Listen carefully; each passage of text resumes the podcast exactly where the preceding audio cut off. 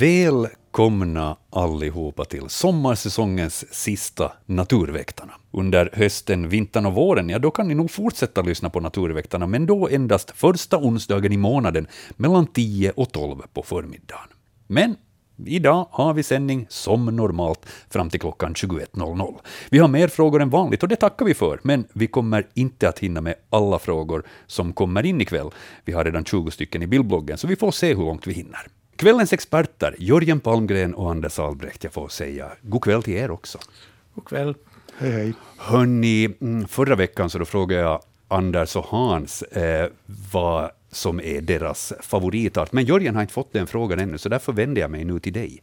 Eh, lyckas du plocka ut en favoritart? No, nu kan jag göra det om det, om det liksom behövs. För att det är ju, Ja. det, det är ju så att, att det varierar lite med års, det varierar vä- väldigt mycket med årstiden och bero, beroende på vad som är på gång.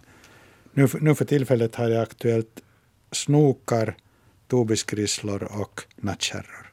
Mm. Och kanske jag väljer snokarna nu. Varför Ja. snokarna? För de har varit så aktiva där på, på Halsholmen i Tvärminne både igår och idag. De har en kopulationssession som är lite ovanlig när det ändå är höst. Och det är fascinerande att följa med dem. Vad, vad är det som, som har fått liksom igång snokarna inte. på det här jag vet, sättet? jag vet inte, men det har, det har hänt förut också den här årstiden. Har det varit en varm sensommar då också? Eh, jag kan inte säga Mm. hur mycket det inverkar. Men, men det är rörande när det, det var igår samma grupp som idag. Och så märkte jag gå och tittade på stället där de var igår. Och när jag kom dit på morgonen nio tiden så då var det fyra hanar som väntade. Såg ut att de väntar på att honan ska komma och de var liksom så där, de tog det lugnt, de var utspridda över kanske en kvadratmeter var sitt hörn ungefär. Och så upptäckte jag sen att honan, okej, hon är där två meter ifrån, nedanför den där högen där de var. Och hon var där tillsammans med den femte hanen. Mm. Och det där. Nå, sen gick jag bort därifrån och kom tillbaka och då var det, då var det full kopulering på gång. Alla hanorna. Nå, jag kan inte säga, man ser inte så bra. Ja, Man ser inte så bra det är ett enda trassel. Det är Ja. ett trassel, ja, och det, och det alltså slingrar sig och svansar hit och, hit och dit. Och det var otroligt. Ett gott val. Snok får bli din favoritart. Orsaken till varför jag frågar det här är ju helt enkelt att nu på lördag så kommer vi att fira den finska naturens dag och det är i samband med det här som både vi på Svenska Yle och också våra kollegor på finska sidan Yle Luonto så kartlägger lite finländarnas favoritarter. Och vill man så då kan man också anmäla sin favoritart. Vi har en artikel på svenska.yle.fi. Ni hittar den då ni klickar vidare till natursidorna där. Jag har nog glömt vad jag sa förra. Jag kommer ihåg att, att det var tal om, men vänta, var det han som sa maskros? Du Jo, hade- han sa maskros. Ja, du hade en fjäril, men du hade, du hade många. Nå, jag har Det, många, ja, och, och, och, och, och så ska det få vara också. Man ska inte behöva välja enbart en. Men det, det är klart, frågan är kanske enklare ifall man på något vis riktar in sig på en, men svaret blir ändå alltid detsamma. Det är så många. Eh, men som sagt, finska naturens dag nu på lördag. Kom gärna ihåg att flagga. Vi får ju flagga för finska naturen nu på lördag. Och dessutom passa på att sova utomhus. Det finns ju en liten sån drive också. Eh, och dela gärna sen det här på sociala medier. Jag tycker det är ett fint sätt att uppmärksamma finska naturen.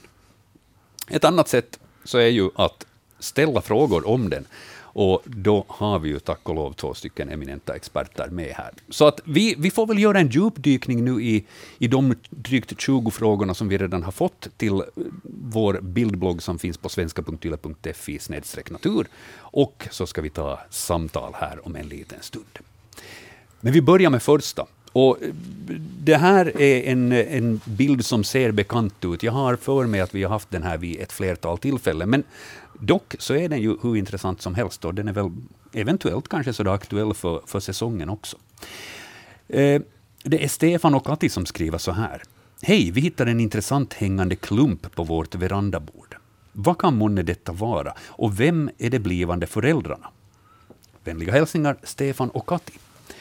Och eh, om vi nu skulle beskriva det här, det är svårt att säga hur stor den är utgående från bilden. Det finns inte mycket vi kan använda så där som, som storleksangivelse, men en, en ganska eh, genomskinlig, klar geléklump med små ljusbruna prickar i, som då förmodligen är någon form av ägg, eller hur? Det är väl nog så. Ja. Nu, nu kan man inte riktigt se det här på den här bilden tyvärr. Mhm. Att en, en sån här geléklump, så det, det finns två möjligheter. Det ena är, är nattsländar och det andra är snäckor. Just det. Om det är på en veranda, Så då är det en, en nattslända eller en landsnäcka. just det. De borde egentligen båda vara i vatten. Nattsländorna brukar lägga äggen på en, på en gren som hänger ut över vattnet så att när det regnar så då sväller den här gelén upp. Och larverna kläcks och så kliver de ner och hoppar ner i, vattnet. Och de här snäckorna så de brukar lägga sina, sina ägg direkt i, i vattnet. Att jag, jag, tycker, jag tycker mig se en del små, små snäckor här inne. Men att jag kan inte på den här bilden få tillräcklig skärpa Nej. för det. Men att det... Jag, jag tycker det påminner mer om snäckor. Så de är på det viset ändå så pass lika, de här geléklumparna från dessa två. De, jo, om, om, man, om man inte kommer åt att mikroskopera de här äggen och, och ungarna så är själva... Det, det är gelé helt enkelt som, som är lika. Om det inte är någon, något bär i så är det så här genomskinligt. Mm. Och de, de är samma. Nattsländernas geléklump är ju torr när det läggs. Det är en sån här klibb, klibbig boll. Och sen när det regnar så sväller den upp. Och snäckorna när de går i vattnet så den, den sväller upp med samma som de lägger det. Så för att få ett, ett riktigt säkert svar här så borde vi alltså be Stefan och Kati helt enkelt att följa med läget och se vad det är som kommer ut. Följa med och, och förstora upp det. De är, de är jättesmå de här. Men bör de för säkerhets skull lägga till exempel någon form av eh, ämbare eller liknande med vatten, ifall det då är nattsländelarver som, som faller ut här? Är det inte så att de behöver falla ner i vatten då helst? Ja, man kan ju släppa den där klumpen i vatten direkt. Mm. Det går, det går nog bra det också. Om den inte redan har hunnit, hunnit fara illa. Precis. Om den har varit uppe i sol och värme så lever de inte länge. Mm. Men roliga är de i alla fall. Oavsett om det handlar om nattsländor eller, eller landsnäckor. Så är det. Um, Okej, no, men då, då får vi helt enkelt eh, svara både och. För vi gör ju så att vi uppdaterar bildbloggen efter sändningen och skriver ner vad vi har kommit fram till så att man kan gå då efteråt och kolla också ifall det var någonting som lämnade oklart. Men i det här fallet så får vi säga det antingen det här eller det här. Mycket bra. Um, vi tar genast och tittar på följande bild också, bild nummer två i bildbloggen. Um, ja, det, här, det här blir ju mera kanske Jörgens bord. Då. Ehm, det är Oskar som skriver så här. Hej, jag såg i lördags 20.8 20 en för mig okänd typ av häger i Skaftum, Kristinestad. Hägrarna rörde sig i en flock av cirka tio stycken och var helvita. Bifogat finner ni några bilder jag lyckades ta. Kunde ni hjälpa mig att identifiera arten? Jag har själv kommit fram till att det kan vara fråga om egretthäger eller silkeshäger, skriver Oskar. Egretthäger, det är ju eh, någonting som vi bland annat behandlade förra veckan och, och, och, och som dyker upp alltid nu och då, då folk blir förvånade över att de ser en, en vit häger. Men silkeshäger, är det någonting som, som kan dyka upp i Finland? Jo, det kan dyka upp. Den är, den är betydligt sällsyntare. Den är observerad sedan 1977 när första observationen gjordes cirka 40 gånger. Och, och den ses inte ens alla år. Mm. Medan då, jag kan ta lite samma siffra för, för egretthägar som, som vi hade senaste gång. Nu tittar jag i tira observationssystemet. Igår och idag 76 observationer av 319 individer. Ja. Och så tittar jag här genast hur det var i Kristinestad, så där har varit till exempel den 20 i åttonde Kristinestad Hamnfjärden 38 fåglar. Precis. Så redan utgående från det så tycker jag mig kunna utläsa ett svar här på Oskars fråga. Ja, det är ju naturligtvis ett sånt här indirekt, Ja, indirekt bestämning för att det där, no, no, silkeshägrar hade inte funnits några flockar i Finland, det har varit enstaka fåglar alltid. Och man ser nog kännetecken här också. Alltså, grätthägern är ungefär stor som en häger. Det kan man inte avgöra riktigt tillförlitligt här på, på foto. Nä. Men den har, den har helsvarta ben. det verkar de ju ha, de här som är på och, bild. Och en där gulgrön näbb. Det kan man också se fast det är lite, lite, sådär, lite på gränsen. Medan silkeshägern har svarta ben och gula tår. Det är jätte, jätte liksom kontrastrik kombination. Man ser det, om man bara verkar titta, så man ser det nog väldigt bra. Vilken färg är det på näbben på, på silkeshägern? Den var väl eh, mörk. Just det. Så det är också en, en skillnad på det viset. Ja, jag ska ännu kolla att jag inte pratar goja. det är, ja, just den, den har svart näbb. Ja. Allting som du hittills har berättat så tyder ju då på att det är Ja. egretthägar som Oskar har Jo, fotograferat. utan vidare. Men fint på det viset att få se tio stycken på en gång. Det är jättefint. De bilderna som vi tidigare har fått här under säsongen så har ju varit just enstaka exemplar. Eh, jag, tror, jag, jag tror inte att vi har sett till exempel två stycken ens på Jag samma minns bild inte här heller, men jag har inte varit med i alla sändningar så det kan vara att jag missat något. Ja. Men här har vi flera på bild och som han skriver, tio stycken ungefär på samma gång. Så äh, vilken upplevelse på det viset. Det, är det igen ett, ett, ett tecken då på att egretthägern eventuellt kanske håller på att etablera sig? Den har etablerat sig redan. Man, man kallar den etablerad. Ja, för att det, det häckade, häckade det sju par i år i en ja. stor skarvkoloni. Och sen, sen finns det också uh, rykten om enstaka par. Så då kan man kalla den etablerad. Nu är, det, nu är det nästan så att det har varit liksom häckningar redan flera år. Ja. Enstaka häckningar flera år än så. Och när de här antalen är så väldigt stora så, så kan man antalet alltså kringstrykande fåglar som inte häckar så kan man nog nästan redan räkna att den är här hos oss. Precis. Ja, men en, en, en fin, fin, fina bilder av Oscar, en intressant frågeställning också, och silkeshägar var fullständigt obekant för mig från tidigare, så att på det viset är roligt att höra om den också. Och nu vet vi lite vad man ska spana Ja, efter. den är, den är också liksom hälften mindre. Hälften av en egretthägar. Jag, jag sa nog det här i början, men, Ja. men man ser ju inte på, på enstaka bilder, men man kan, man kan ana sättbilder. Precis. Mm. Okej, då får vi notera att det nog är egretthägrar som han har sett där. Uh, ingen för tillfället som ringer på 0611 12 13, så vi tittar helt enkelt vidare i bildbloggen och är framme vid en, uh, en spindelfråga. Uh, Stella på Hotskär undrar vad den här spindeln heter. Och så har hon fotograferat en spindel som har väldigt långa ben.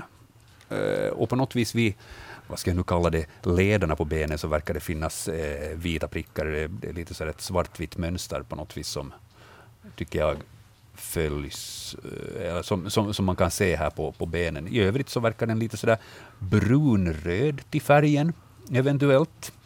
Um, men vad är det här för en spindel, eller är det ett spindeldjur, slår det mig.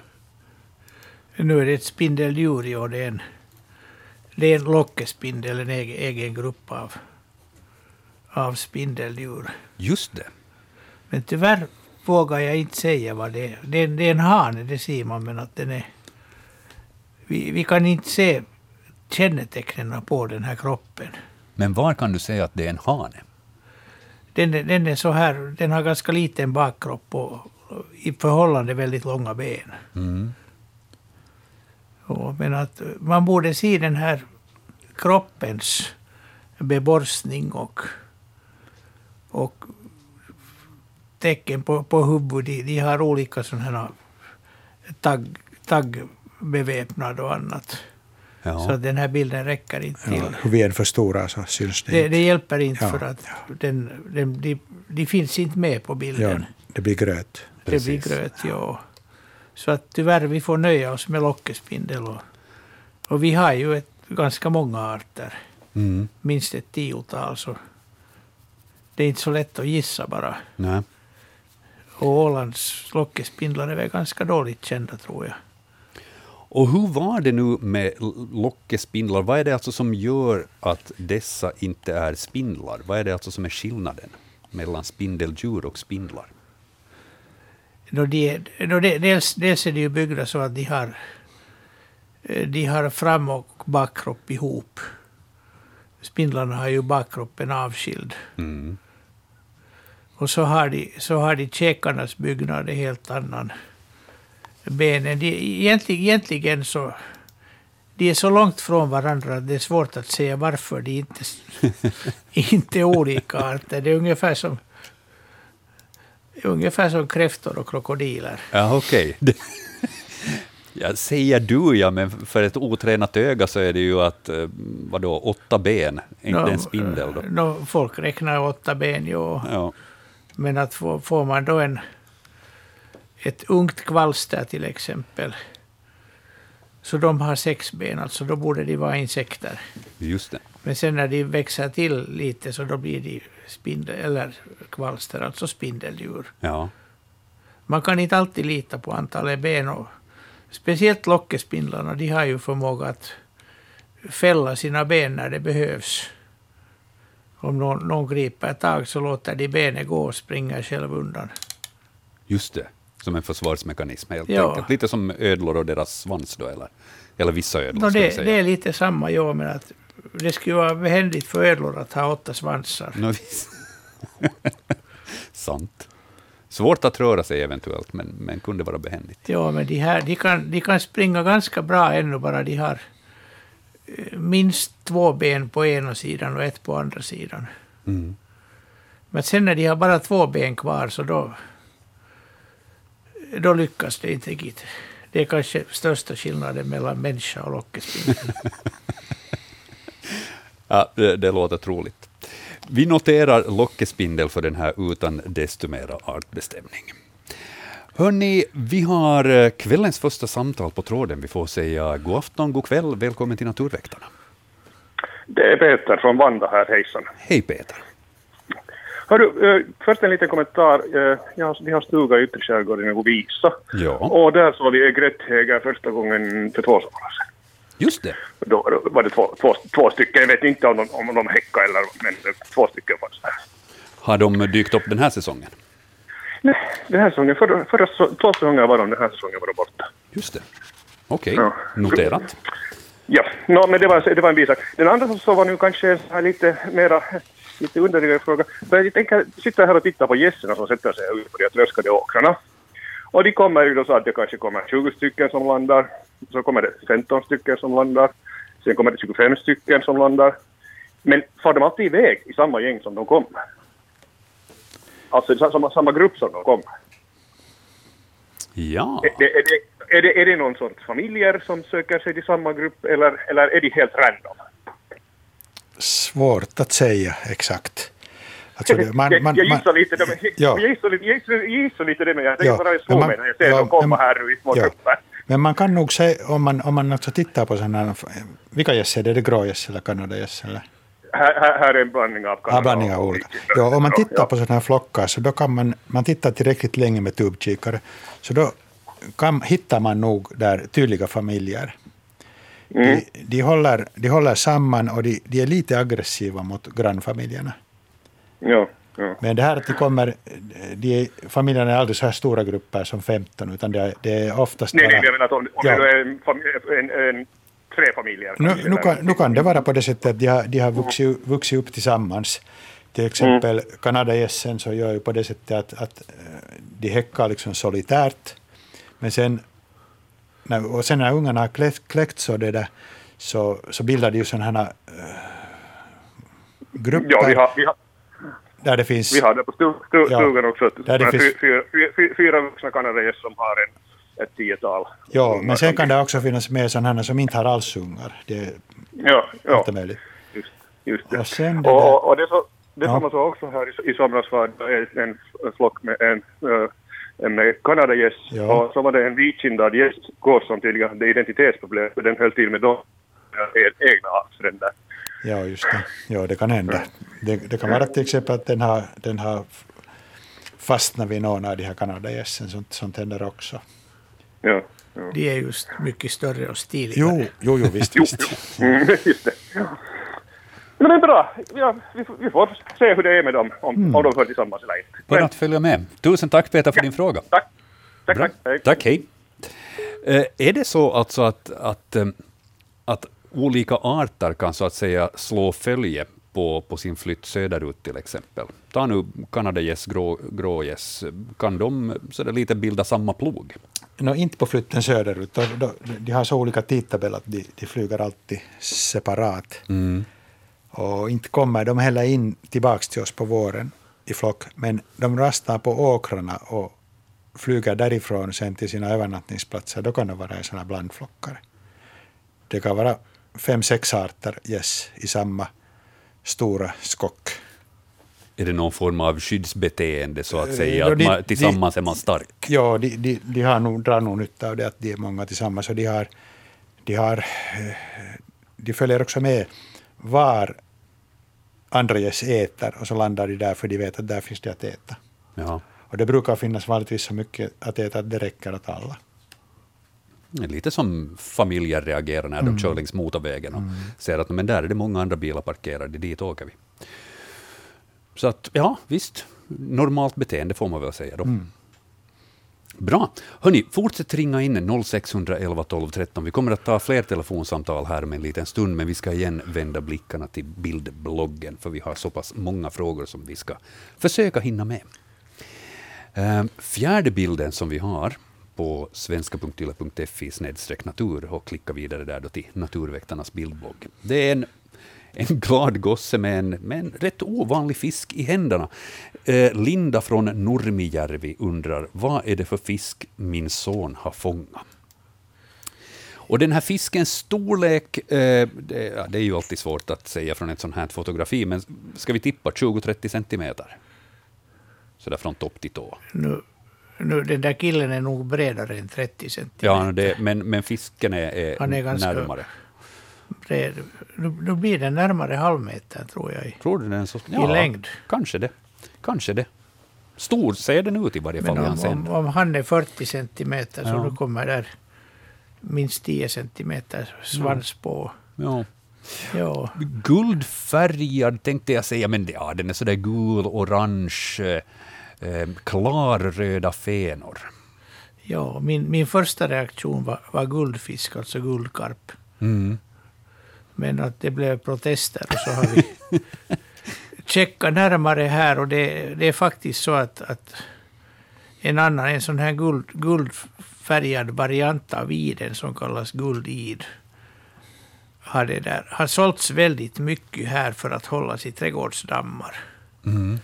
Och det här är uppenbarligen en sån för att den guldfisken ska ha längre ryggfena. Ja. Och den här, den här blir inte lika stor, men att den blir nog, nog stor. Och de förstås, om, om de hålls i, i trädgårdsdammar så de smiter ju.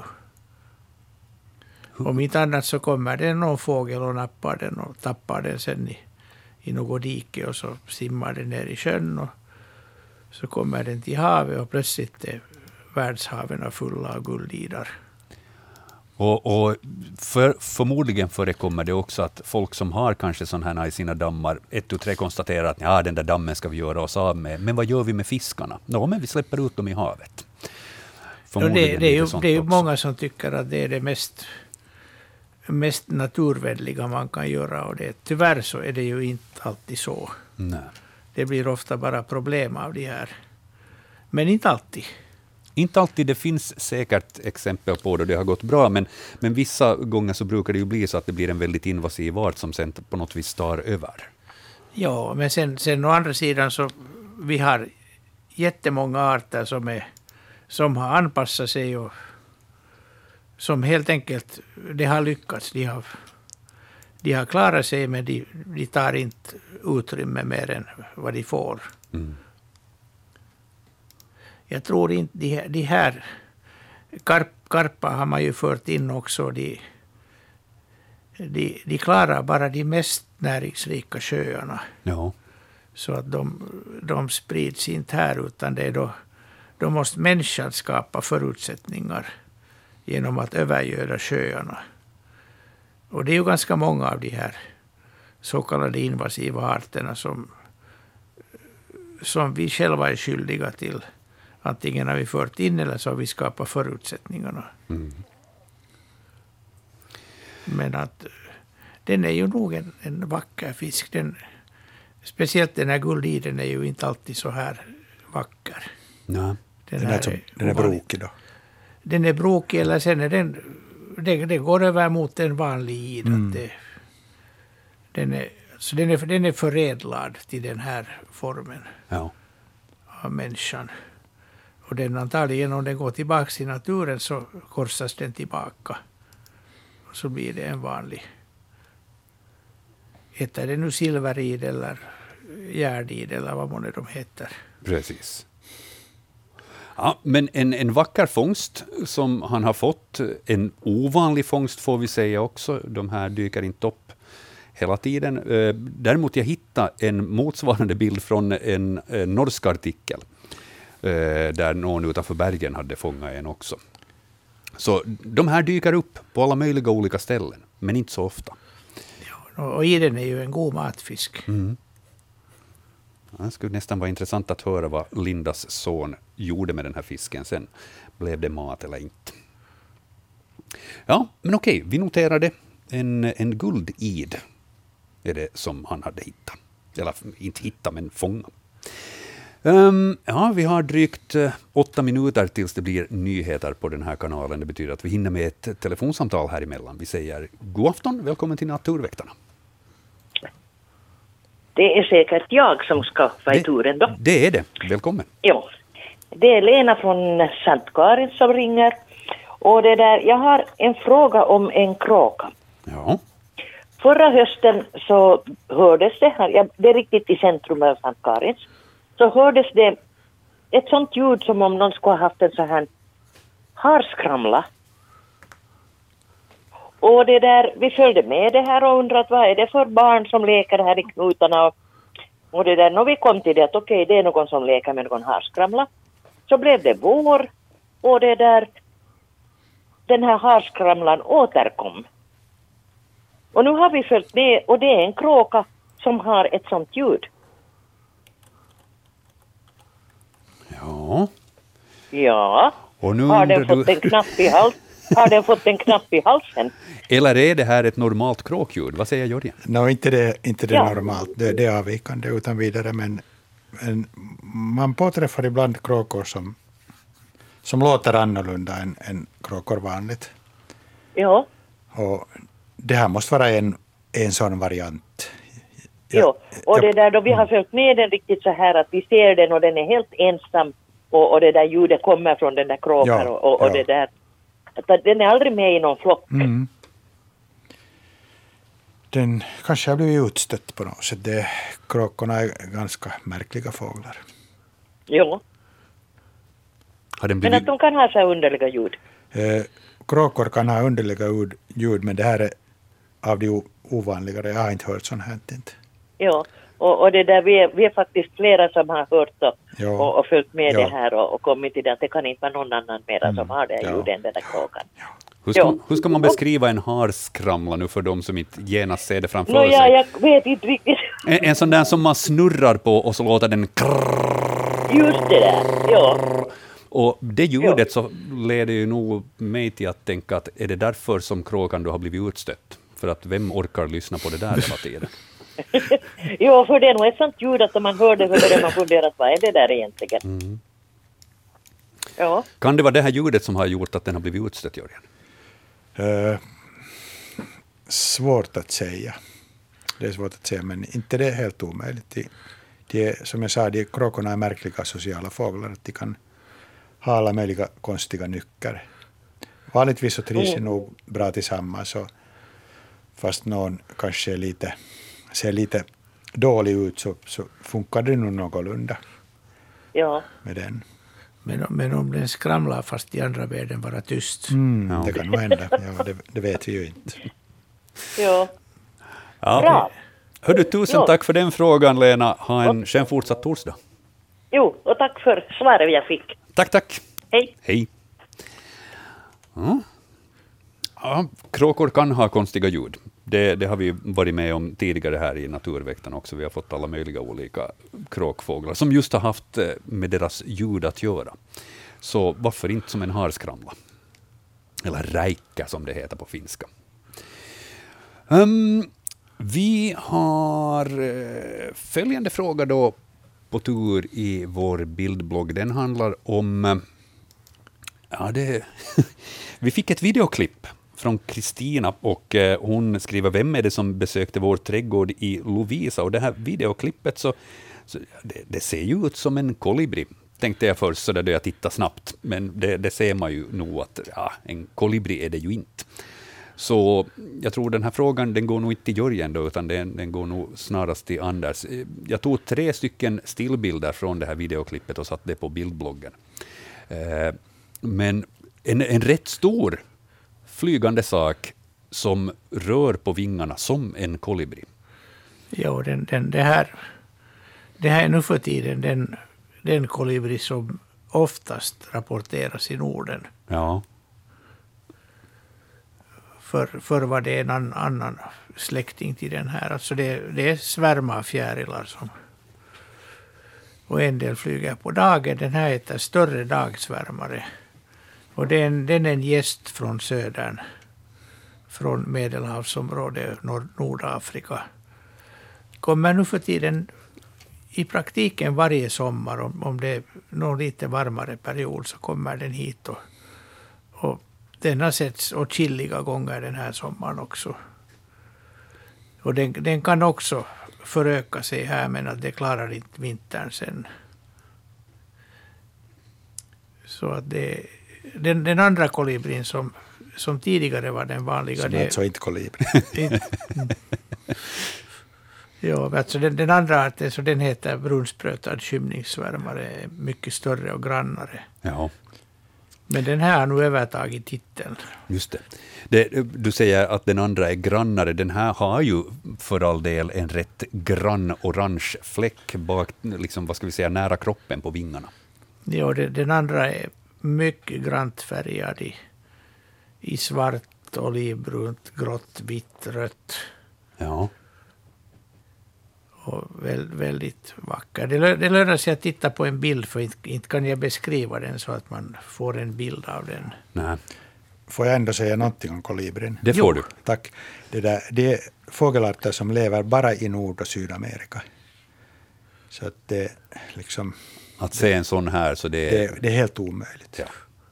Men det intressanta är att de går ju väldigt långt norr i Jo, Alaska. ända till Alaska också. Ja. Det är 300 arter, över 300 arter. I, Att skulle, i Nord- de, och skulle de Sydamerika. finnas i, i Afrika Ja. så skulle Mm. de kunna komma Jo, hit. utan vidare, ja. Men när det inte finns i Afrika. Så då kommer de inte hit. Ja, Nej. Den vägen blir för Om, om inte någon flyttar på dem. ja chansen, jag, jag tror det är ganska svårt att... chansen är ganska liten. Det är man man kan inte ta några kolibriägg och kasta ut dem. Nej, det kan man säkert inte. Det- är kanske bra att notera att förutom att de då lever bara i Nord och Sydamerika så också den minsta, världens minsta fågel är, jag kommer inte ihåg vad den heter på svenska den här, men den är på finska heter den kimalaiskolibri och väger bara 1,6 gram. Det är nog ganska pyttelitet. Det är nog pyttelitet, Ja. ja. Ja, de här fjärilarna är nog betydligt tyngre. Ja. Också den här som är ganska liten egentligen. Ja, vad, vad talar vi om alltså för storlek här nu? Nu är det ju här bredvid en blomma som inte jag känner igen, men som eh, ni förmodligen kan hjälpa till med. En, en lila mm, blomma med... Ja, Jag, jag, jag är inte riktigt säker på de här läppblommiga. Så Ja. blo- blommorna påminner ju om salvia. Men om man, om man lite sådär storleksbestämmer den där nu. No, den, den är ungefär fem centi mellan vingspetsarna. Precis. Så Så den, den är liten. liten men ändå en, en, en dagsvärmare man, man märker av när den... Jo, våra andra dagsvärmare är bara hälften så stora och de har dessutom genomskinliga vingar. Just det. Och de är då inhemska hos oss. Större dagsvärmare noterar vi för den här, att det är det som Kristina hade i sin trädgård i Lovisa. Jag, jag, jag säger ännu en sak. Ja. Den heter bikolibri på svenska, den här världens minsta fågel. Just ja. Ja.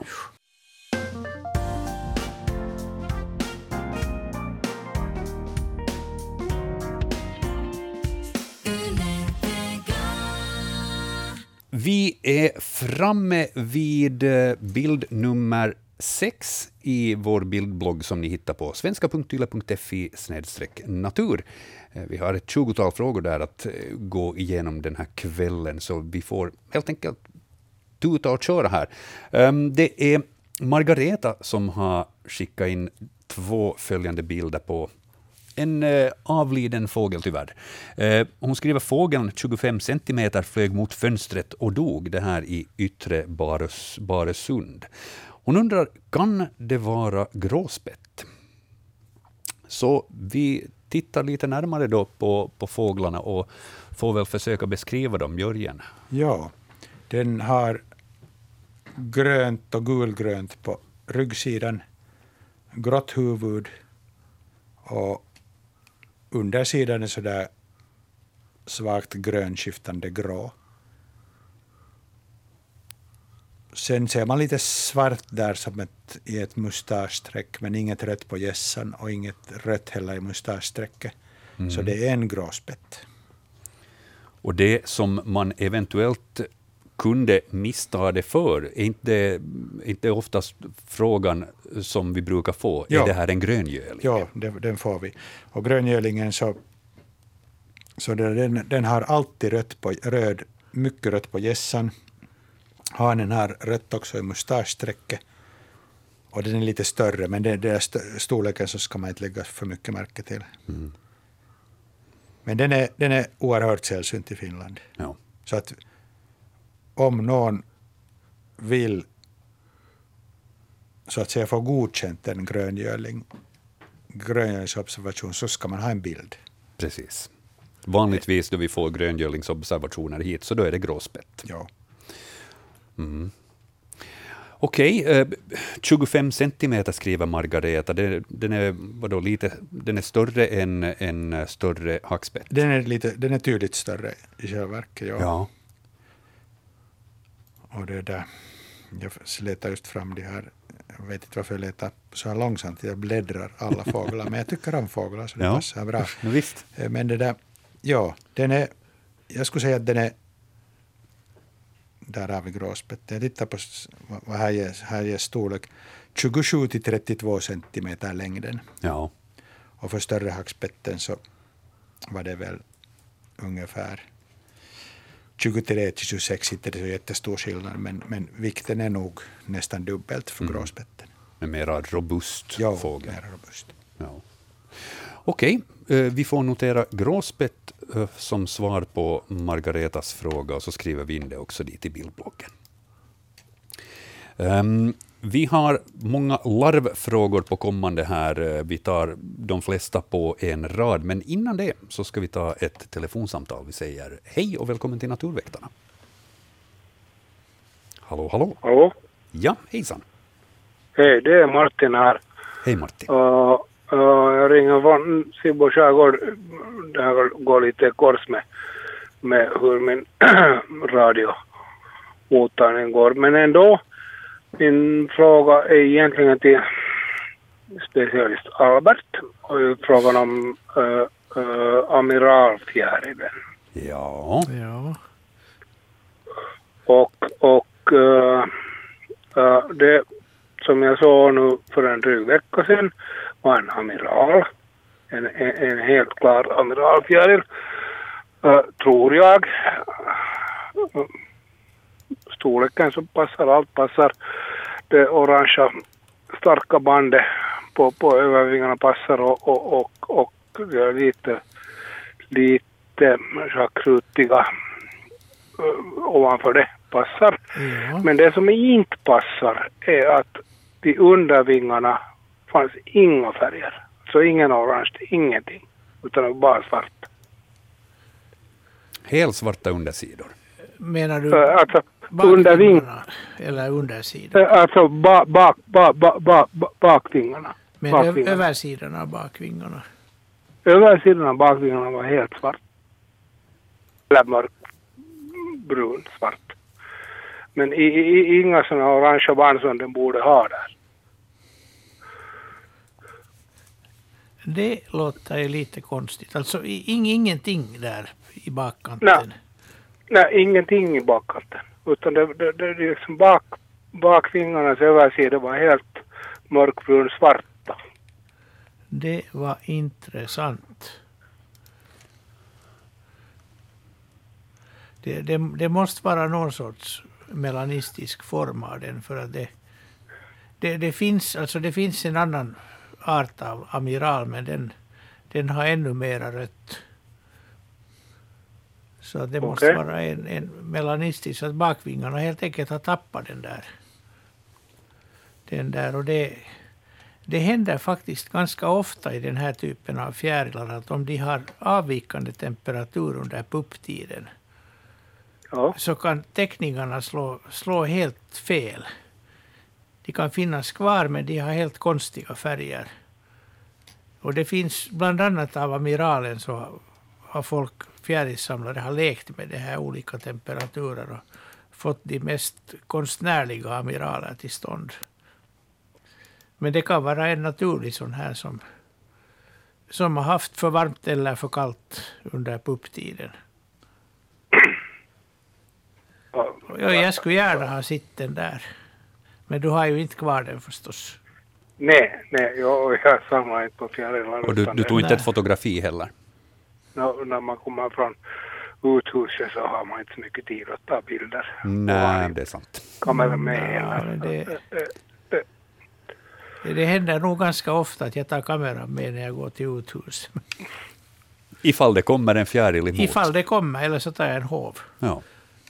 Men att jag, jag samlar inte heller fjärilar, men det kan vara ganska nyttigt att ta fast och titta närmare om det är något speciellt. Men det, Ja, det var men- intressant det där. Jag, jag har sett hundratals amiraler i år och de har alla varit helt normala. Mm.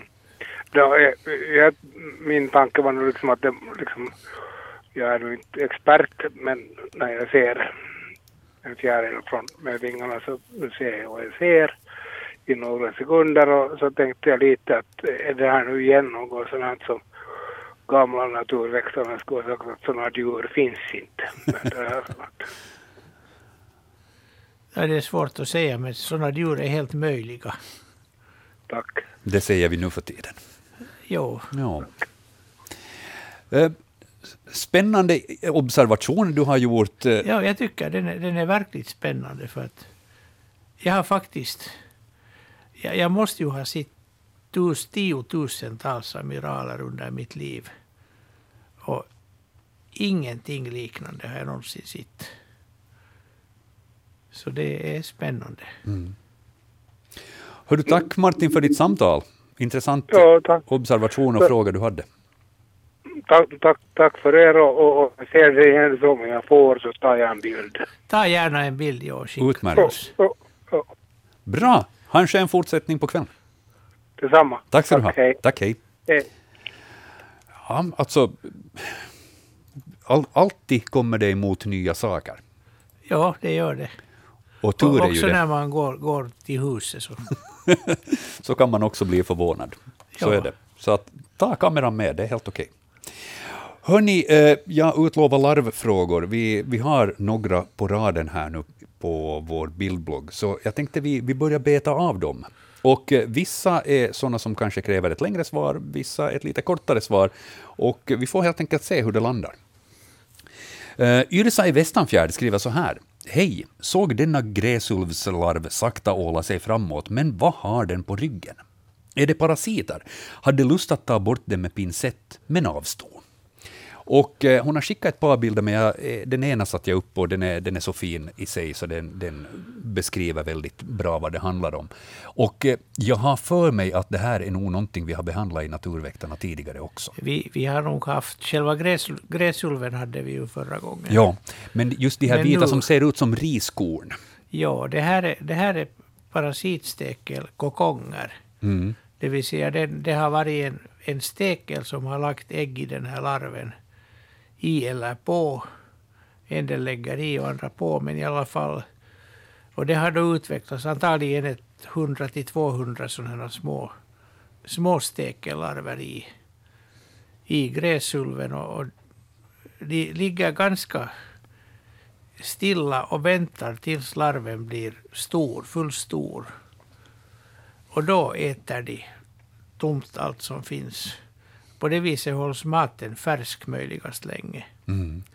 Och så gnagar de sig ut genom huden och spinner genast in sig i en sån här vit eller lite sådär ljusbrun spinntråd. Och där inne förpuppar de sig och, och så kommer de, de flesta faller av larven och en del blir på och de kommer sen att kläckas till nya steklar som igen angriper. De, de påminner egentligen väldigt mycket om, om myrkokonger. Och myrkokonger det är ju också stekelkokonger. Det. Ja. Så att, men det är i alla fall ute med den här gräsulven. De, den, den är förstörd inuti av det här angreppet. Precis. Uh, Yrsa i Västanfjärd skrev här att hon funderade att hon skulle plocka bort dem med pincett, men avstå. Uh, det skulle ju inte spela någon roll alltså. Det spelar ingen roll. Nej. Så det är lika bra att avstå och låta naturen ha sin gång där. Ja, Och gräsulvslarven var ju som bekant för många redan nu en sån här larv som man inte heller ska gå och handskas utan, uh, utan största försiktighet. ja eller, eller några lämpliga handskar. Precis. Eller sen ta i det med pincett eller ett blad eller någonting. Ja. Bra, då har vi behandlat den. Vi ska titta vidare på följande larvfråga som är bild nummer åtta i bildbloggen.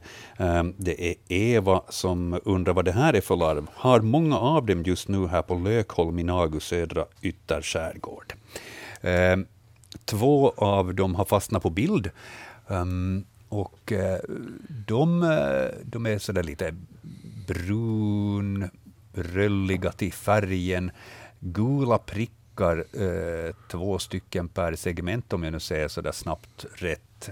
Ehm, någon form av orangefärgat, nästan rött horn i ena ändan, men huruvida det då är bakersta ändan eller främre ändan, så det överlåter jag till Anders. Det, det är bakre. Det, det är det normala bland fjärilar. Att de har, de har hornet i, i andra ändan så att säga. Just det. Att det, men det,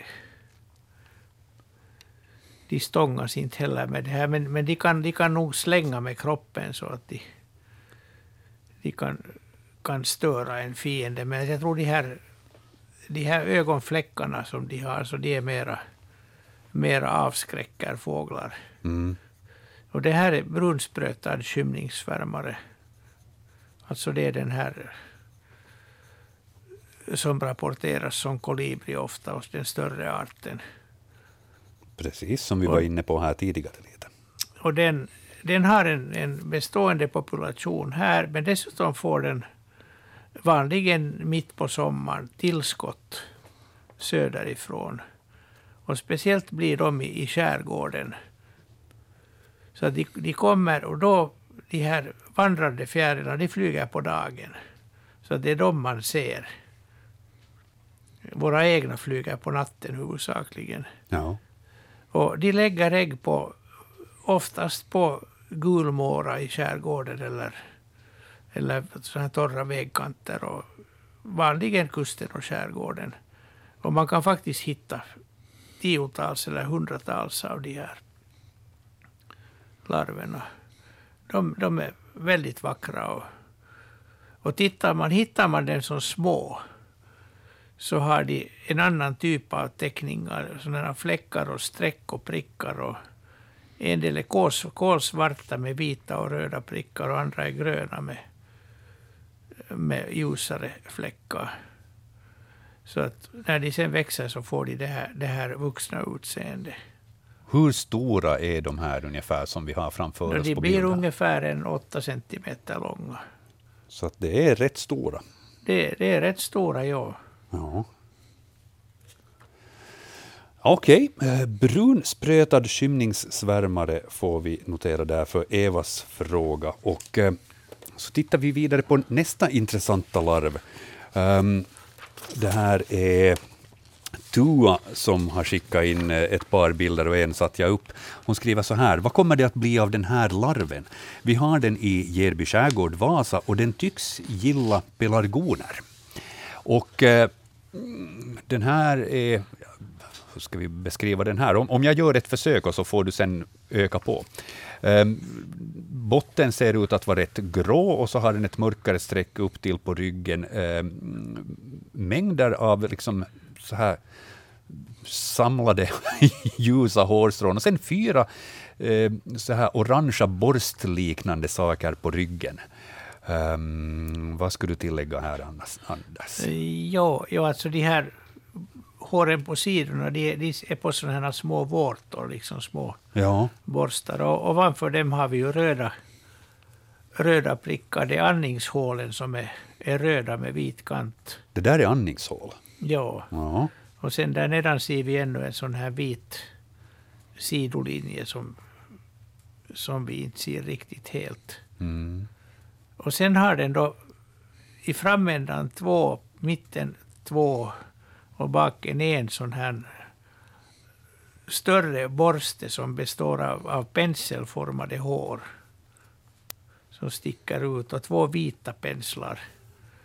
Och de här, de här gula borsterna, de är också de är tätt, består av tätt packade gula penslade hår, alltså de är sådana här förgrenade hår. ja. Så den, den är väldigt speciell och den, är, den kan man paja och pyssla om. Den är helt ofarlig och ogiftig. Och den heter aprikostofsspinnare. Aprikostofsspinnare.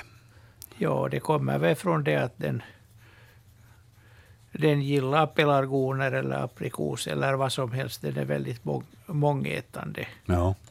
Van, va- vanligen är det lövträd och buskar och, och kris. Det, har inget, det har ingenting med färgen att göra på de här tofsarna den har på ryggen. Jag tror, jag tror inte, nej. Nej. Det, det har den inte. Och, det där, och vad det blir av den, så det ser vi här framåt på en bild. Ska vi ta den skilt eller nu?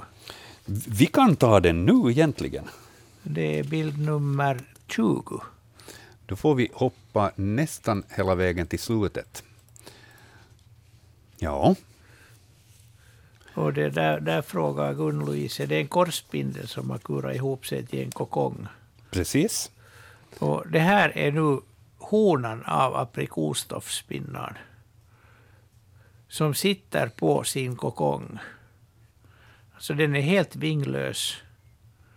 Och den, den kryper upp på sin kokong och så väntar den på en hane som kommer och parar sig. Och sen lägger den en, en matta av vita ägg med en svart prick på mitten som täcker kokongen och blir den full så går den upp till, till grenen ovanför. Och hanen ser då ut som en vanlig fjäril som flyger på dagen på hösten i solskenet. Så det, är- det är en väldigt spännande fjäril.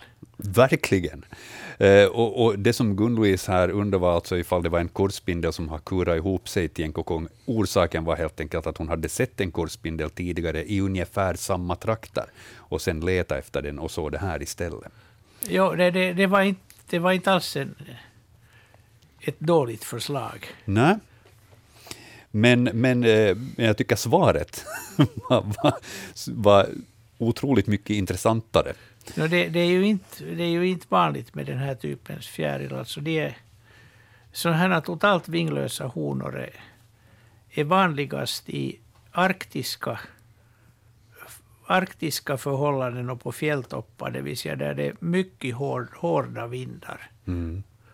För där kan, där kan de sitta och lägga sina ägg i fred och inga, ingen risk att de blåser bort. Precis. Så det, vi har i, i många fjärilsgrupper har vi den här typens honor där i norr. Men att vi har faktiskt flera arter här i söder också. Eh, Den andra bilden som Gun-Louise har satt upp här, så den är på det viset en gammal bekant. Den kan vi behandla alldeles kort. Hon har också hittat en drunknad larv, eh, orange eh, och sen lite vinröd mera på ryggen. Jag vågar till och med mig på att säga att det där är en trädödarlarv, eller hur? Jo, eller träddödare eller, eller trädödare. Ja, precis. Vad det nu sen är. ja. Och, och det, det är bäst att lämna det vid det här. Mm. Det, det här är en, en som de flesta människor tittar på bilder och sen, sen skriver de att det är större träfjäril eller större trädödare. Men vi har faktiskt två arter och larverna är nästan identiska. Så att det är bäst att för larvernas del så lämnar vi det vid trädödare. Exakt. Då lämnar vi eh, Gun-Louise fråga och så hoppar vi tillbaka i bildbloggen igen, eh, för vi hade fler larvfrågor som vi nu behandlar här i en och samma vevar. Larver kan alltså se så otroligt spännande ut och vissa ser ut som helt klart utomjordingar. Eh, det tycker jag att Ritvas eh, larv definitivt gör. Eh, hon skriver, här är en film på vad vi tror att det är en ekorrspinnarlarv som låg i trädgården på Möcklö, Åland. Och eh, jag har tagit en stillbild därifrån och jag, jag, då jag tittar på den här så man vet ju inte att är det en, är det en larv, är det en tusenfoting, är det en skorpion eller vad är det riktigt? Jo, det, det, det är en larv av, av, en, av en tandvinge, alltså familjen Notodontidae. Och larverna av de här de kan vara helt normala, men de kan vara omvandlade till de mest konstiga saker. Ni som har sitt gaffelsvansar vet vad jag talar om. Mm. Och det här är nu en av dem som heter ekorrspinnare. Och den har frambenen, de två bakre paren av frambenen är långa. Ungefär som myrben eller någonting. Och de här analfötterna längst bak, så de är också som spröt i kanten. Och när den sitter, så sitter den med de här fyra mellanfötterna fast i, i en gren. Och så reser den framkroppen och bakkroppen mot varandra. Och sen viftar den med de här fyra långa frambenen. Och den, den påminner faktiskt ganska mycket om en ekorre om man tittar på den från sidan. Därav namnet ekorrspinnare. Ni som inte har nu möjlighet att gå in och titta på bildbloggen på hur den ser ut, så ni, ni måste ju ha ett enormt frågetecken i huvudet, för jag tycker att den här beskrivningen så är, så är minst lika fantastisk som, som själva bilden. För att den, Ja, den, den, ser den, knepig den, ut. den bästa beskrivningen om man inte har sett den här, så det är en ekorre från sidan. Men det är en larv. Ja, men, men som ung, när den är fyra millimeter lång, så ser den exakt ut som en stackmyra. Ja. Det är liksom, den, den, är, den är precis, en, enda skillnaden är att man vet inte vad som är fram och bak på den. Alltså det är en, en myra som plötsligt börjar gå baklänges. Men det, det, det är faktiskt en, en väldigt spännande fjäril. Den har varit ganska vanlig de senaste åren. Och för, som fjäril är den en nattflygande sån här grå, gråbrun. Ganska lurvig och egentligen väldigt vacker. Mm. Men larv, larverna är, de, de är nog fina och de, det är inte många som har sett dem för att de, de lever ganska enstaka och de är, de är väldigt ilskna.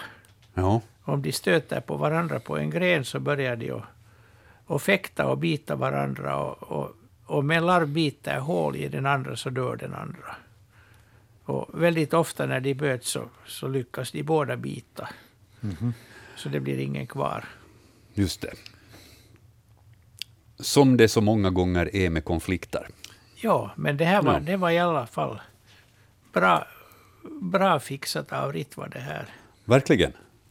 Eh, där de larvfrågorna vi tar nu, vi ska vända blicken fram och tillbaka till telefonluren, lyfta på den och se ifall vi har någon med oss. Nej, det telefonsamtalet försvann. Vi ser fram emot fler samtal på 0611 12 13 och så går vi vidare i bildbloggen istället i väntan på att telefonen ringer igen. Um, här är det... Just det, nu, nu får vi läsa lite så att jag inte vrickar tungan här.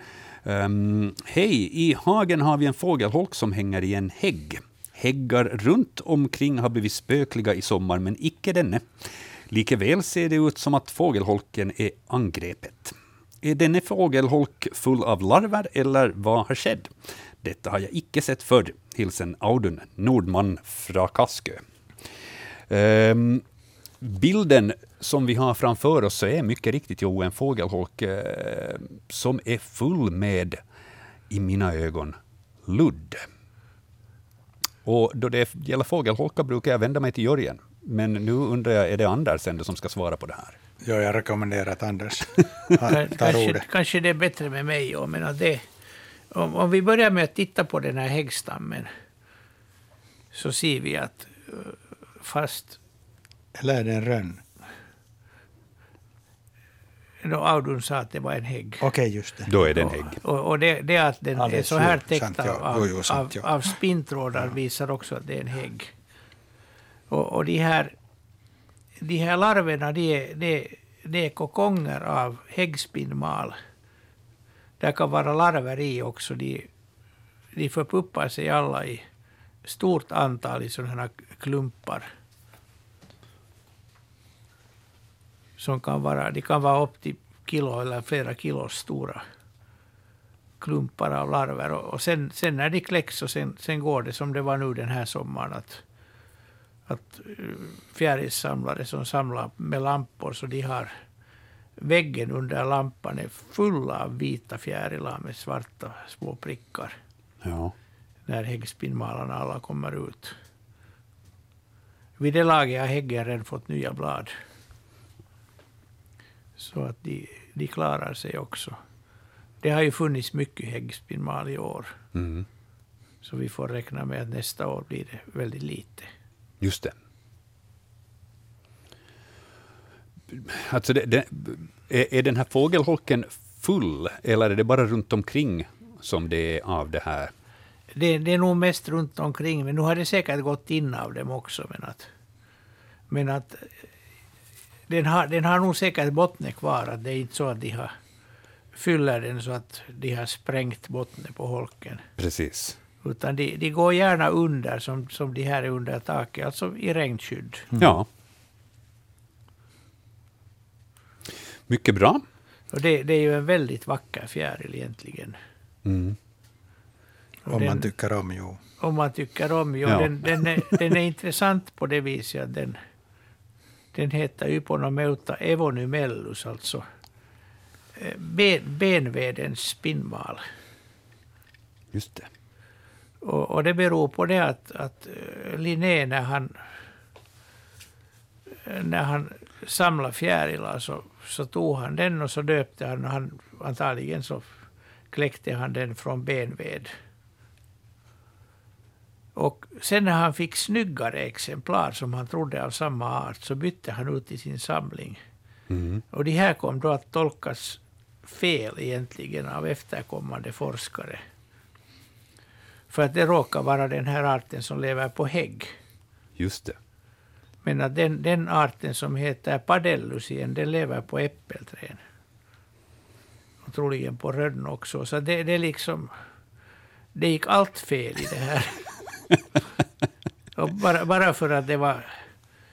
Det, var, det här systemet med, med samlingar var inte utvecklat då så att man... Nu för tiden får man ju inte röra typexemplar. Man kan inte byta ut dem.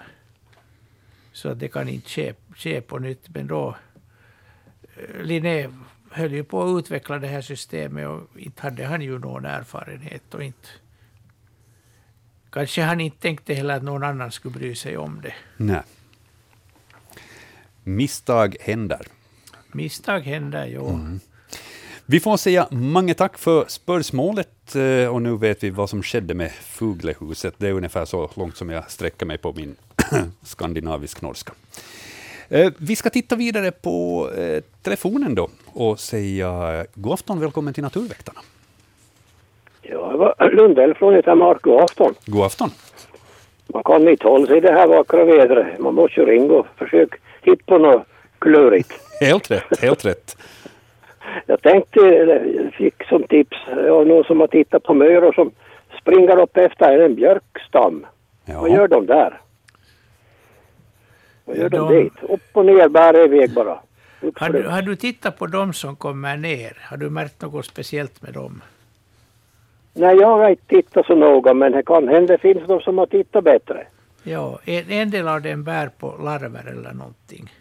Jaha, just Och de så. har varit och jagat. Och andra har, bak, andra har bakkroppen uppsvullen. Aj. Och de har varit och mjölkat bladlöss. Så de är fulla med, Jo, men jag, med socker. No, jag, på, jag, jag påstår ju nog att det är bladlössen de har varit ute efter. Det är, det är, både, det är både och. Ja, ja, så är de där båda sakerna jo.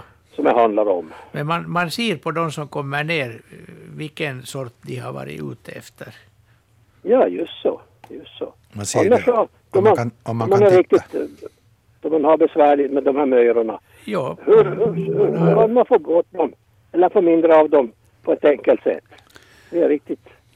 Det- har många stackar här omkring. Frå, frå, frågorna som vi inte brukar behandla i Naturväktarna eftersom vi gärna ser att de hålls kvar. ja, nog får det vara. Det får nog vara en viss mängd, men jag tycker det, det är lite, lite, lite störigt direkt. Gör det nog illa inte, men Ja, då, då nej, finns men det de, ju... de, de, de gör nog väldigt mycket nytta. ja, de gör det. Ja, De ja. gör det, ja. ja just med tanke på bladlöss kanske. Åtminstone. Ja, med tanke och, och det där med tanke på skogsbruket också. Jo, just så. Så de, de, har det där, nå, delvis sköter de om bladlössen men, men mycket mera det att de, de äter larver som, som äter upp träden. Aj, jäkeln, jaha. Men Så har det, det, det, det, är nog, de är nog väldigt viktiga. Låt myrstackarna vara. Ska vi måste göra det? Gör det, tycker jag ja. låter som en bra idé. Ja, ja. Hör du, Ja, tusen och tack för din fråga. Jo, tack så mycket. Tack. Ja, Hej då. Ja, Hej. Ja, visst ska man låta myrorna vara.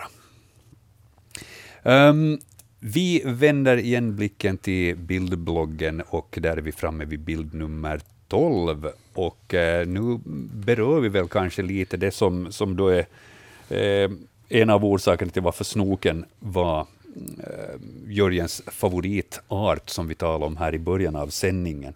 Eh, innan eh, jag eh, ställer den frågan så ska jag passa på att, att fråga en allmän fråga som har kommit in av Rickard angående ormar, inte bara snokar utan också huggormar. När går ormarna i ide? När är det liksom dags för dem att avsluta säsongen och, och krypa ner under någon sten?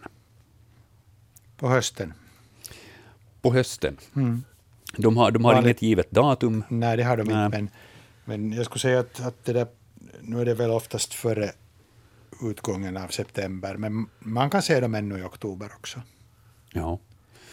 Det, är, det, är det när marken börjar frysa på? Eh, jag är inte riktigt säker på vad det är som utlöser det här, men, men det där, jag har nog sett snokar i oktober, men det har alltid varit vid mynningen av ett sånt här över, övervintringsställe. Ja. Så de bara, om det är varmt så kan de komma fram, men de, de rör sig inte mera vidare omkring, utan de är, de är där vid den här övervintringsplatsen. Jag har, jag har haft i många år svampexkursioner i, i Nox och där har vi bland annat varit i ett sånt här orm, ormberg där det, där det samlas ormar till hösten. Och det, det var ju ungefär lördagen närmast 10 september. Så då, har- då har det kommit, kommit ormar dit att när vi går över så märker vi att nu är, nu är de på väg in och söker sitt, sitt hem i den där kullen. Mm. Jag har stod, här stod inte vilket, vilken del av landet frågan gäller, men, men, men huggormar finns ju i hela landet och snokar finns bara i södra Finland. Uh, huggormar kan man nog se senare. Ja. De kan, ju, de kan ju vara till och med på snön ibland. Ibland, ja. Men att de här, det har varit huvudsakligen huggormar nog. Och un, ungefär normala svamptider. Som är från mars till december. No, det, det, bruk, det brukar... eh, början av september brukar vara den säkraste tiden, normala ja, år. Ja, just det. Ja. Ja, Okej, okay. men svar där åt Rickard. På hösten. Kan ses ännu i oktober då det gäller snok till exempel. Ehm, sen då vidare till själva bildbloggen. Ehm, här är det Carola som uh, råkar på de här fyra snokarna som hängde på en grankvist. De hade inte bråttom och var definitivt inte rädda av sig. Vad är det de håller på med där på kvisten, undrar hon. Och jag tycker hon har fått en jättefin bild. Det är en otrolig bild. Ja. Och, och att det är snokar, så det ser man klart och tydligt. Eh, inget snack om det. Man ser ögonformen och man ser de här gula eh, fläckarna bak på huvudet och liknande. Eh, men, men vad är det de gör? Är det, är det samma som du, Jörgen, upplevde här nyligen? Jag, jag är inte säker. Jag har bara två granar där på Halsholmen. Jag har aldrig sett snokar på det här viset. Jag har inte heller. Alltså Ja. det, det, jag, Men- jag är så full i beundran för den här bilden. Ja, Det, det är samma som jag har upplevt. Att om, man, om, man, om, man, om man upptäcker huggormar i träd så får man vanligtvis titta på dem väldigt nära, för de liksom är inte på normala sättet skygga. Jag misstänker att de här snokarna har lite samma sak. Det kan vara. Därför, därför kommer man så nära. Här ligger de alltså tre, ja, Fyra. fyra. fyra stycken. Ja. Tre är på det viset, upplever jag, lite närmare varann, medan den fjärde håller på att slingra sig iväg. Men det, det här är inte, det är inte kopulering som är på gång här. Nej, inte här, inte här. Inte. Det ser inte ut så i varje fall. Nej. Men riktigt bombsäker kan man nog inte vara. Det är en stillbild, så, Mm. så det är svårt att avgöra. Så vad ska vi är- säga? Vad, vad håller de på med? No, de är av olika orsaker sociala. Jag kan inte säga riktigt vad det är. Alltså, sociala snokar på i, i juli, slutet på juli och augusti, så det har nog alltid för min del gällt kopulerande snokar. Ja.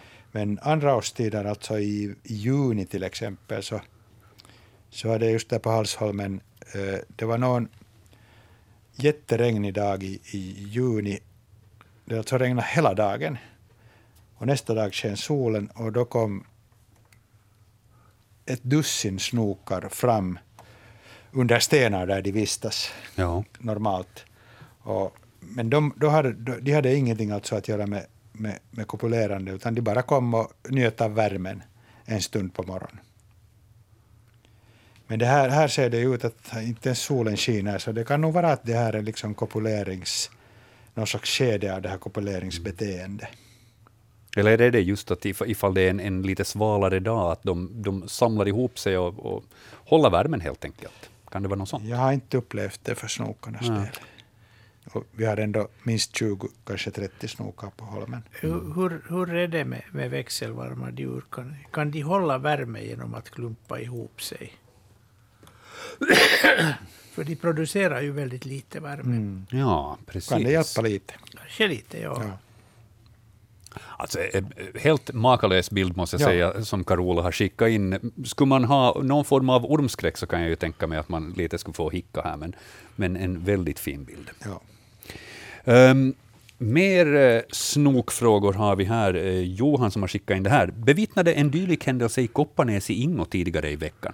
En spigg blir ormföda på någon minut, men visst är det en snok trots att tydliga gula markeringar saknas.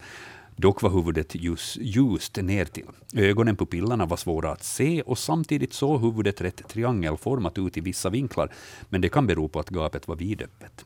Snoken är väl en bättre simmare än huggormen. Kunde ens huggormen potentiellt fånga en levande fisk? Denna spigg sprattlade ännu då den nått en tredjedel ner i ormens mage, eller ska vi nog kalla det gap kanske. Snok eller huggorm? undrar Johan. Nio, ja, vad ska vi säga, 90 procents eh, säkerhet där på snok upp, upplever Johan också. Ja, det är snok. Snok är det. Ja. Eh, Men, men till frågan då, kan huggorm ta fisk på det här sättet? Nå, enligt vad jag har läst så tar den inte. Jag har, jag har aldrig sett huggorm ta fisk och enligt litteraturen ska den inte göra det heller. Den är inte på det An, viset. annars heter den nog mångsidigt. Men den, den, Jag, jag har inte heller varken Nej. hört om det nej, eller nej, alltså, huggormen simmar ju nog, men, men det där, den, jag tror att den inte jagar så gärna i vattnet. Ja. Jag tycker det mest försöker hålla så mycket av kroppen som möjligt ovanför vatten när den simmar. Okej, okej. Den nästan står på svansspetsen. Så kan man uppleva det, ja. Ja. Snoken däremot så har en tendens att kunna dyka ner på ett annat Ja, sätt. den gör det. det, gör det. De, här sex snokar som jag såg i kop kopuleringsdagen på morgonen, så det, det, situationen sen tog slut på det sättet att honan simmar rakt ut till stranden 15 meter och får ut simma minst 100 meter rakt mot sydväst. Ja. Och de här stackars pojkarna som blev på stranden, så de, de, de ringlade efter henne, kom till stranden och så var de alldeles, de tappade, tappade liksom lukten Ja. och de var alldeles vimsiga. De började ringla av längs med stranden, en for och simma, så kom de tillbaka, de var riktigt, de var riktigt helt borttappade. De, tapp, Ja, de, tappade, var, de tappade sin hon hona. ganska oförskämd. De Ja. tappade sin hona. Först lockade hon dem med Ja, sig. ja. ja. Typiskt. ja, de är knepiga snokarna, men vackra djur, det får vi konstatera. och fina bilder också som Johan hade skickat in här. Ja, det här är nog också bra att lägga märke till att, att det är en svart snok. Mm. Och när den, den är i vattnet så den är alltjämt helt svart. Ja. Medan de här lite brokigare snokarna, så de blir jättebrokiga när de går under vatten, eller går i vattnet. De, Mm. liksom, det framhäver de här mörka ljusteckningarna. Ja. Så man kan förnimma dem till huggormar. Vi har ju haft sådana här frågor här. Det har vi. Det har vi. Men snok, det får vi klart notera här. Eh, nu har vi ett samtal på tråden. Vi säger god afton, välkommen till Naturväktarna. Jo, hej. Det är Kalle Piesen här, hej. Hejsan. Det där, det gäller den amiralen som ni pratade om här. Ja.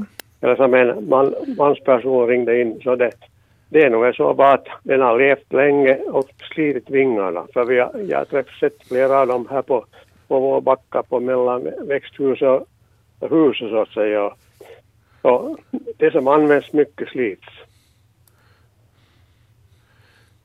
Ja, det, det, det är en logisk förklaring. Men Det, det, det, det, som för jag- förvånar mig är att, att jag aldrig har sett det som har sett miljoner amiraler. Jo, ja.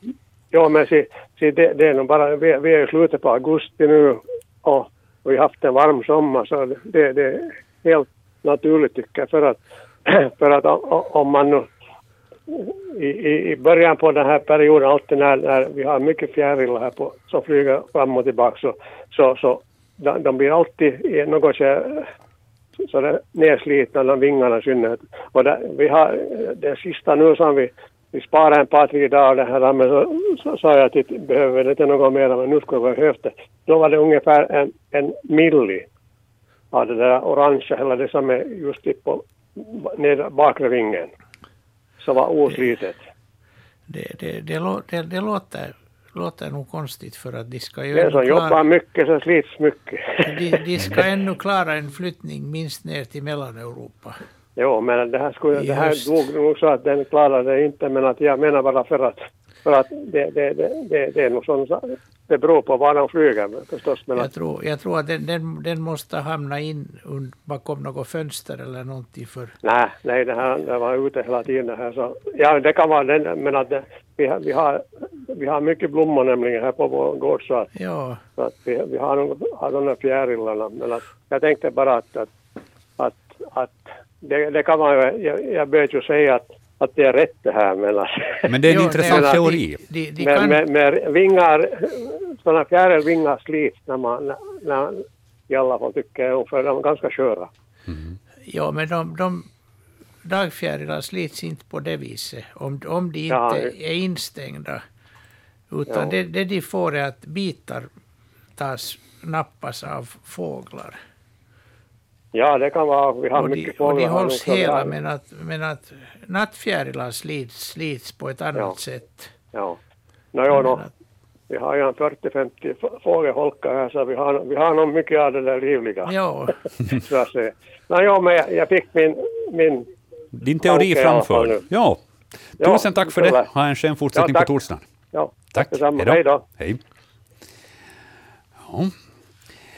Eh, vi har drygt tio minuter sändningstid ännu den här sommarsäsongen av Naturväktarna, så vi tittar igen på bildbloggen och ser hur långt vi hinner. Um, vissa frågor kan besvaras eventuellt lite kortare, så kommer vi längre fram också. Följande fråga är en uh, fågelfråga. Det är Karin som har skickat in den och hon, hon undrar, vilken fågel är detta? Den flög in i mitt nyputsade fönster på stugan i Nykarleby för ett par somrar sedan. Den tuppade av, men jag lade den i blåbärsriset och efter ett tag så var den borta. Jörgen, vad rör det sig om för fågel och hur skulle vi beskriva den? Den, är, det är en, den har mörka, mörka vingpennor och mörka stjärtpennor. Så har den brun kropp och enskilda fjädrarna har en sån där ljusteckning. Och det här är typiskt för unga trastar, de här ljusa teckningarna. Ja. Och man kan redan gissa på att det är svarta vingar och svart stjärt, att det skulle kunna vara koltrast. Och det är just det, det är en ung koltrast. Man kan inte säga kön ännu på den här, men, Nej. men alltså en ung koltrast. Ganska nyss utflugen från boet. Eventuellt är det därför också som den har krockat med ett fönster. Möjligen, ja, möjligen. Mhm. Konstaterar vi ung koltrast där för Karins fågel. Och så tittar vi vidare. Ehm, um, Per-Henrik i Vasa har skickat in den här. Uh, han undrar vad är det för en insekt som han såg i Gamla Vasa? Den ser nästan ut som en ståtlig riddarsköld som den har på ryggen. Uh, tacksam för svar. Per-Henrik i Gamla Vasa. ja det, är en, det är en bärfis och de, är, de ser faktiskt ut som, som, som riddarsköldar och sådana Ja. va, vapensköldar av, av olika slag. Det här är den här klassiska bärfisen. Nu för tiden heter den hårig bärfis. Men den, den var ännu på 60-70-talet var det mest de här när man såg bärfisar. Den, den var överlägset vanligast.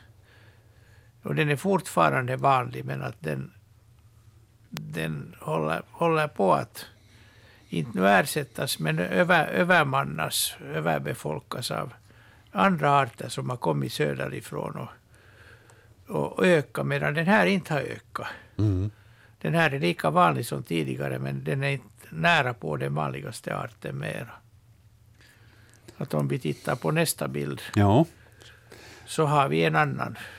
Som Ann-Kristin har skickat in. Hon undrar vad det är för en liten färggrann Och insekt. det, och det är också en bärfis. Den har lite annan, annan, annan typ av... Den har ju de här röda, svart-rödrandiga vingarna.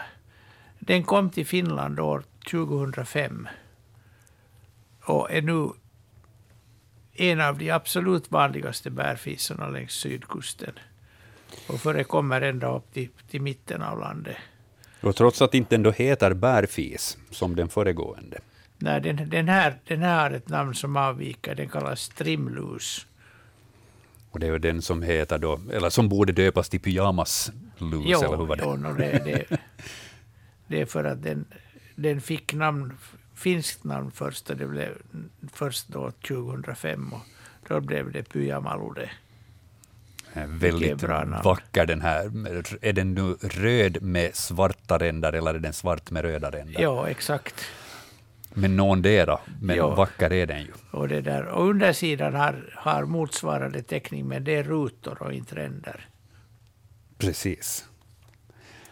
Pyjamaslikt det också. Strimlus får vi ändå notera för den.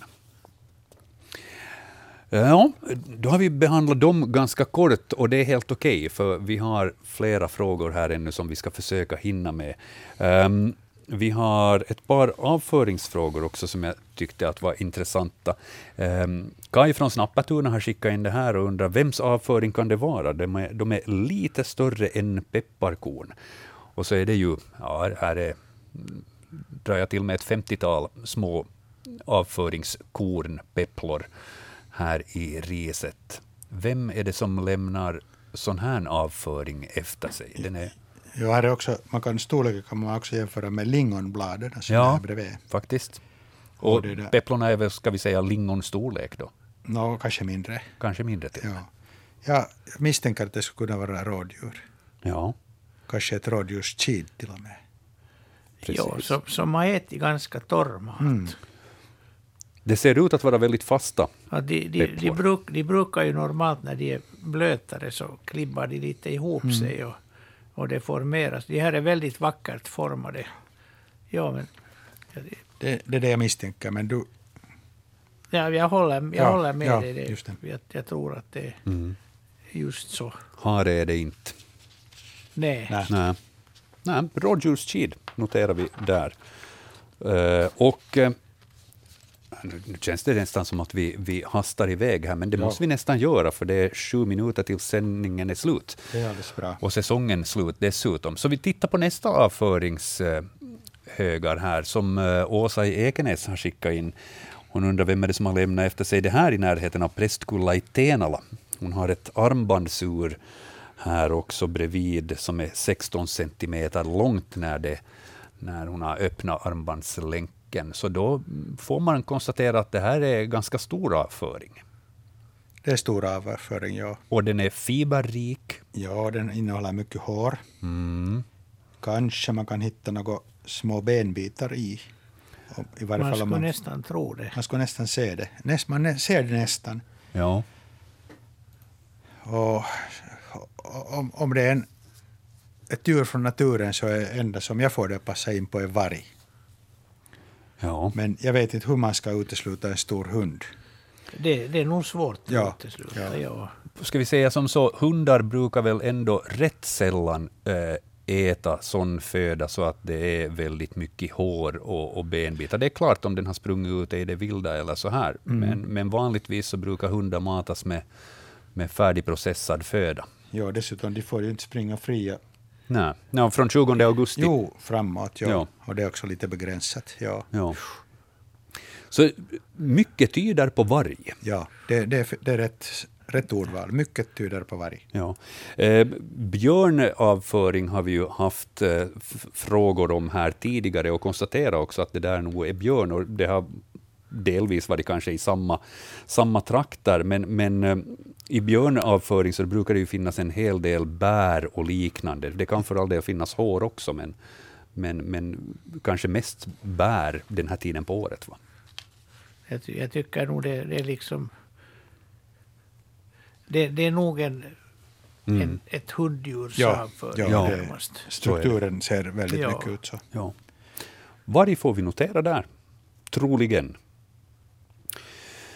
Det här, mina herrar, betyder också att nu har vi egentligen två frågor kvar i bildbloggen som vi eventuellt hinner med innan programmet är slut. Det skulle vara fint. Det skulle vara det. Um, Viveka har skickat följande. Hej, vad är detta? En mossa som blommar. Har inte sett denna tidigare, skriver hon. Och eh, ja, hur beskriver man dessa otroligt vackra gröna små växter?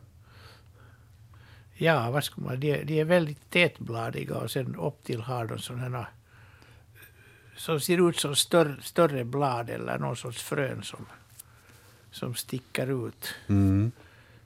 Och så där ogrenade eller väldigt lite förgrenade. Man har lite, lite svårt att avgöra storleken, men jag skulle säga ungefär 10 centimeter i höjd. Ja, De här. Jo, där finns ju några talbar Ja, där nere i gräset. ja.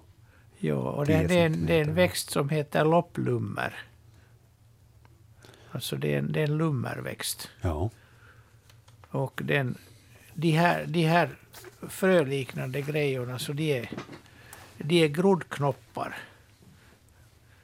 Och det där, när de är mogna och man tar i den så hoppar de iväg. Flyger iväg. Därifrån har det namnet lopplummer. För att den, den loppar av sig. Just det. Och den är, den är mycket vanlig i fjällen där den är gulaktig. Så är blek. Medan här i, i södra Finland så är den mörkgrön och betydligt större och, och vackrare. Inte alls någon ovanlig, men inte det är någon som man, man kan vänta sig att hitta på varje exkursion. Men här och där finns den. Lopplummer eh, noterar vi för den. Och så går vi till sista frågan för den här säsongen. Eh, fråga nummer, eller bild nummer 21 i bildbloggen. Det är Monica eh, som har hittat den här i Larsmo skärgård och undrar helt enkelt, vad heter den här? Jag hittar den inte i mina böcker. Är den vanlig? Och eh, i mina ögon, den ser ut som någon form av stekel. Ja, det, det har du rätt i. Så långt. Så långt har du rätt. Den ser ut som en stekel. Men vad är det då? Det är, det är en skalbagge Okej. som heter stekelbock. Det är alltså en, en långhornig, den är ungefär två centimeter lång. Så den, den är ganska stor och långa, kraftiga ben, långa antenner. Och le, lever i lövträdsved, oftast lövträd åtminstone. Och den är inte ovanlig. Men att den är ju inte någonting som man... Den, den kommer inte till en när man dricker morgonkaffe eller sådär. Och den är inte intresserad av ens öl eller snaps eller vinglas. Utan den kan nog, egentligen själva verket kan den komma nog till, till öl för att den, den kommer på sådana här fjärilsbeten som är, består av, av jäsa, jäsande bär eller äppelsaft och, och socker. Men det, det är ett spännande djur och den har ju mycket korta framvingar. Man ser de här som en liten klump där bakom, Mm. bak, bakom mellankroppen. Och sen har den långa flygvingar, bakvingar som ligger på bakkroppen. Och de når ända till bakkroppsspetsen. Stekelbock. Ja, och det för oss i mål för den här säsongen. Vi klarar av alla frågor vi hade i bildbloggen. Bra jobbat! Hörni, jag får säga tusen tack till Anders Albrecht och Jörgen Palmgren som har varit experter i den här sändningen. Tack också till Mikael Grönros som har skött det tekniska i Böle. Mitt namn är Joakim Lax. Tusen tack till alla lyssnare som har hört av sig under den här säsongen. Med era frågor så har ni skapat de här sändningarna och vi är tacksamma för att ni har spenderat tid med oss. Hör eh, Naturväktarna igen på torsdagskvällar i maj. Men vi är tillbaka med hösttablån redan den 7 september, så vi hörs om en dryg vecka. Ha det gott!